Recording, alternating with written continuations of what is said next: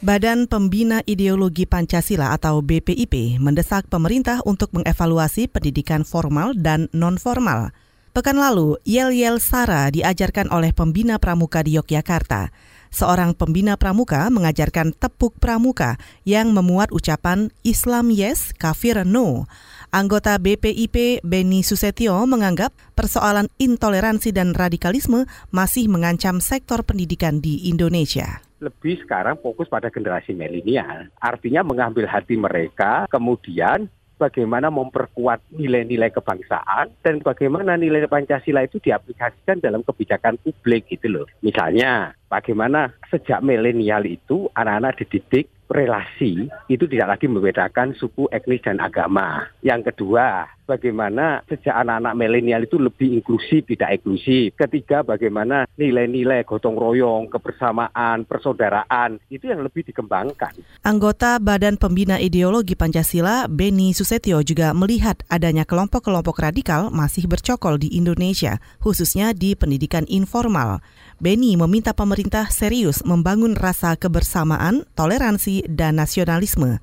Tak hanya pelajar, BPIP juga meminta adanya upaya membangun toleransi di seluruh elemen termasuk guru. Kementerian Agama mengakui belum melibatkan guru dalam dialog kerukunan beragama.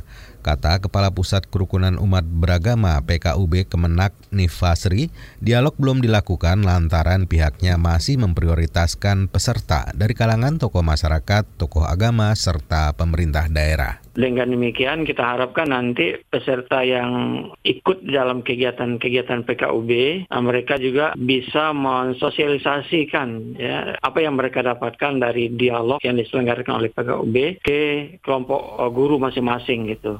Kepala Pusat Kerukunan Umat Beragama PKUB Kemenak Nifasri mengklaim akan mengajak pengurus dari musyawarah guru mata pelajaran, pengawas sekolah, dosen, dan lembaga kesiswaan dalam dialog tersebut. Hal ini penting untuk mensosialisasikan program moderasi agama, toleransi, dan kerukunan umat beragama. Kata dia, semua agama mengajarkan kebaikan.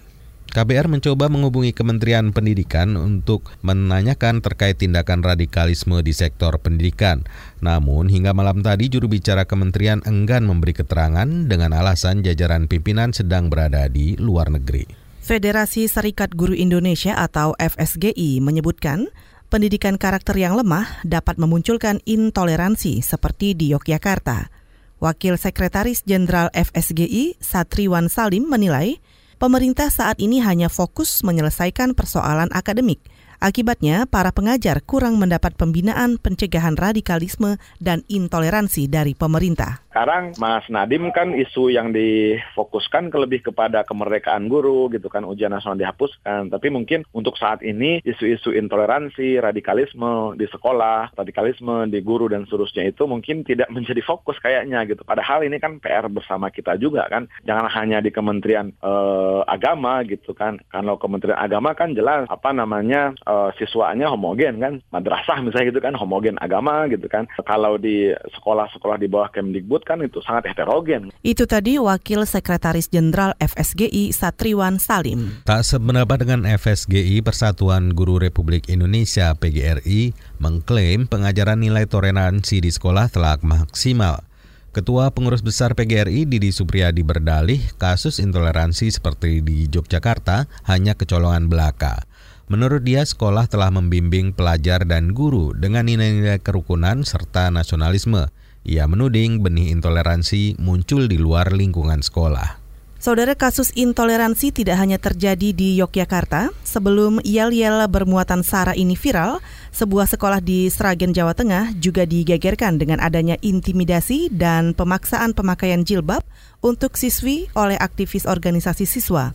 Menyoroti hal ini, pemerintah Provinsi Jawa Tengah langsung berencana membentuk proyek percontohan sekolah berbasis toleransi di kawasan Solo Raya.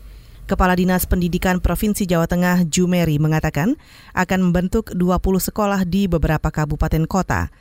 Ia juga mengatakan proyek sekolah toleransi tersebut akan dilakukan selama 3 hingga 6 bulan. Kegiatan dilakukan dengan memberikan pembekalan paham saling memahami perbedaan – ia juga menjelaskan pembekalan akan dilakukan dari tingkat kepala sekolah, karyawan, guru, hingga murid.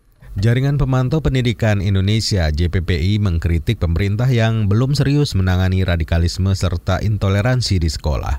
Koordinator Nasional JPPI Ubaid Matraji menyebut hal itu merujuk dari banyaknya temuan penelitian mengenai intoleransi serta radikalisme yang tak hanya menyasar murid tapi juga guru. Di tahun 2019 ini juga masih terjadi banyak kasus-kasus ditemukan buku-buku ajar yang terpapar radikal. Soal-soal ujian yang bernuansa intoleransi segala macam. Yang ini terulang terus. Dari 2019 ada, 2018 ada, 2017 ada, dan sebelumnya juga ada. Pemerintah kata Jaringan Pemantau Pendidikan Indonesia JPPI, Ubaid, harus memprioritaskan moderatisme beragama dan multikulturalisme dalam pembelajaran di sekolah. Selain itu kata dia harus ada evaluasi dan langkah intervensi yang sistematis terhadap guru yang terpapar radikalisme. Semua itu kata dia untuk mencegah intoleransi dan radikalisme terus tumbuh dan terkesan terus dibiarkan. KBR, inspiratif, terpercaya.